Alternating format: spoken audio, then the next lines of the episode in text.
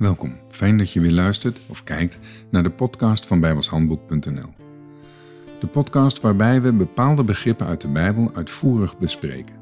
En in deze podcast gaan we verder met het bespreken van het begrip Grote Verzoendag.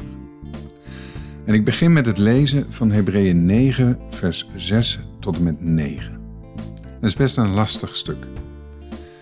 Waar staat: Deze dingen nu, al dus toebereid zijnde, zo gingen wel de priester in de eerste tabernakel te alle tijden om de godsdiensten te volbrengen.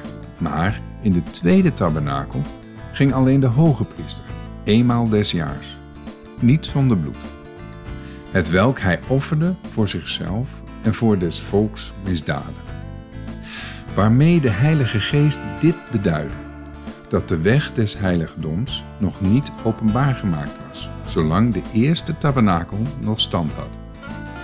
Welke was een afbeelding voor die tegenwoordige tijd, in welke gaven en slachtofferen geofferd werden, die degene die de dienst pleegde niet konden heiligen naar het geweten.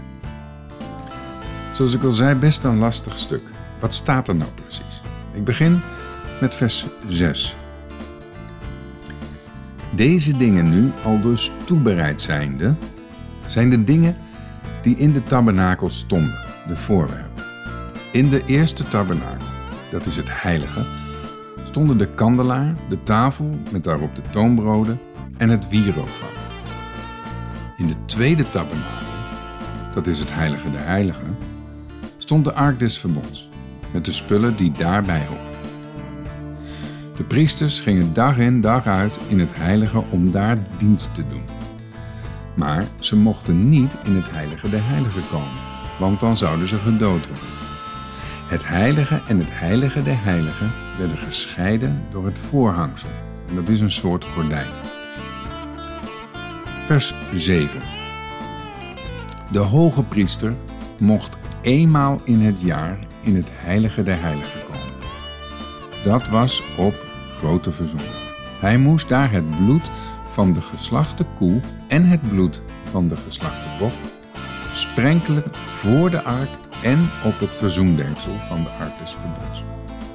Zo werd er verzoening gedaan voor de zonde van hemzelf en voor de zonde van het volk. En dan vers 8. Zolang het voorhangsel nog niet gescheurd was, en dat gebeurde bij de dood van de Heer Jezus, bleven de priesters dienst doen in het heilige.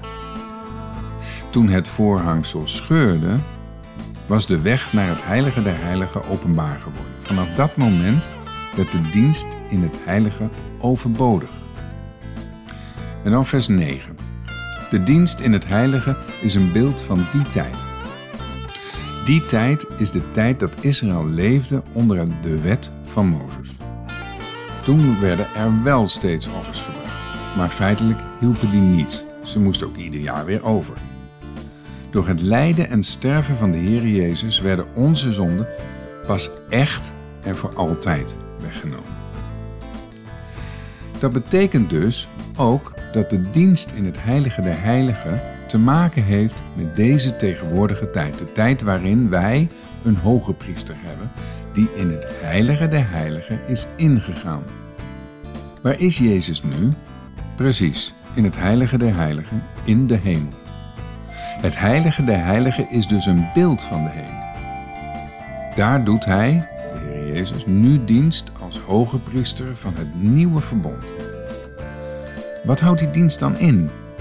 Hij is met bloed ingegaan om verzoening te doen voor de zonde van hemzelf en voor die van het volk.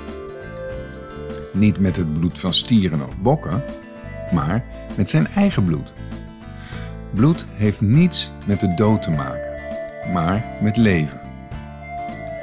Als er bloed uit een mens of een dier stroomt, stroomt het leven eruit. Nou, met zijn bloed en dus met zijn leven wast hij bijvoorbeeld onze voeten. In Johannes 13 maar weer eens aan te halen. Volgens datzelfde hoofdstuk waren we al helemaal gereinigd. Nu zorgt Christus ervoor dat we rein blijven voor God, zodat wij God kunnen blijven dienen. want dat kunnen we niet als we niet rein zijn. Dat hij ook verzoening doet voor zijn eigen zonde heeft natuurlijk niets met zijn zonden te maken. Maar omdat wij één plant met hem geworden zijn, zijn wij een deel van hem, namelijk zijn lichaam. Omdat dat lichaam nog verbonden is met de zondige aarde, zondigt het nog. We gaan de volgende keer verder met het bespreken van het begrip Grote Verzoendag.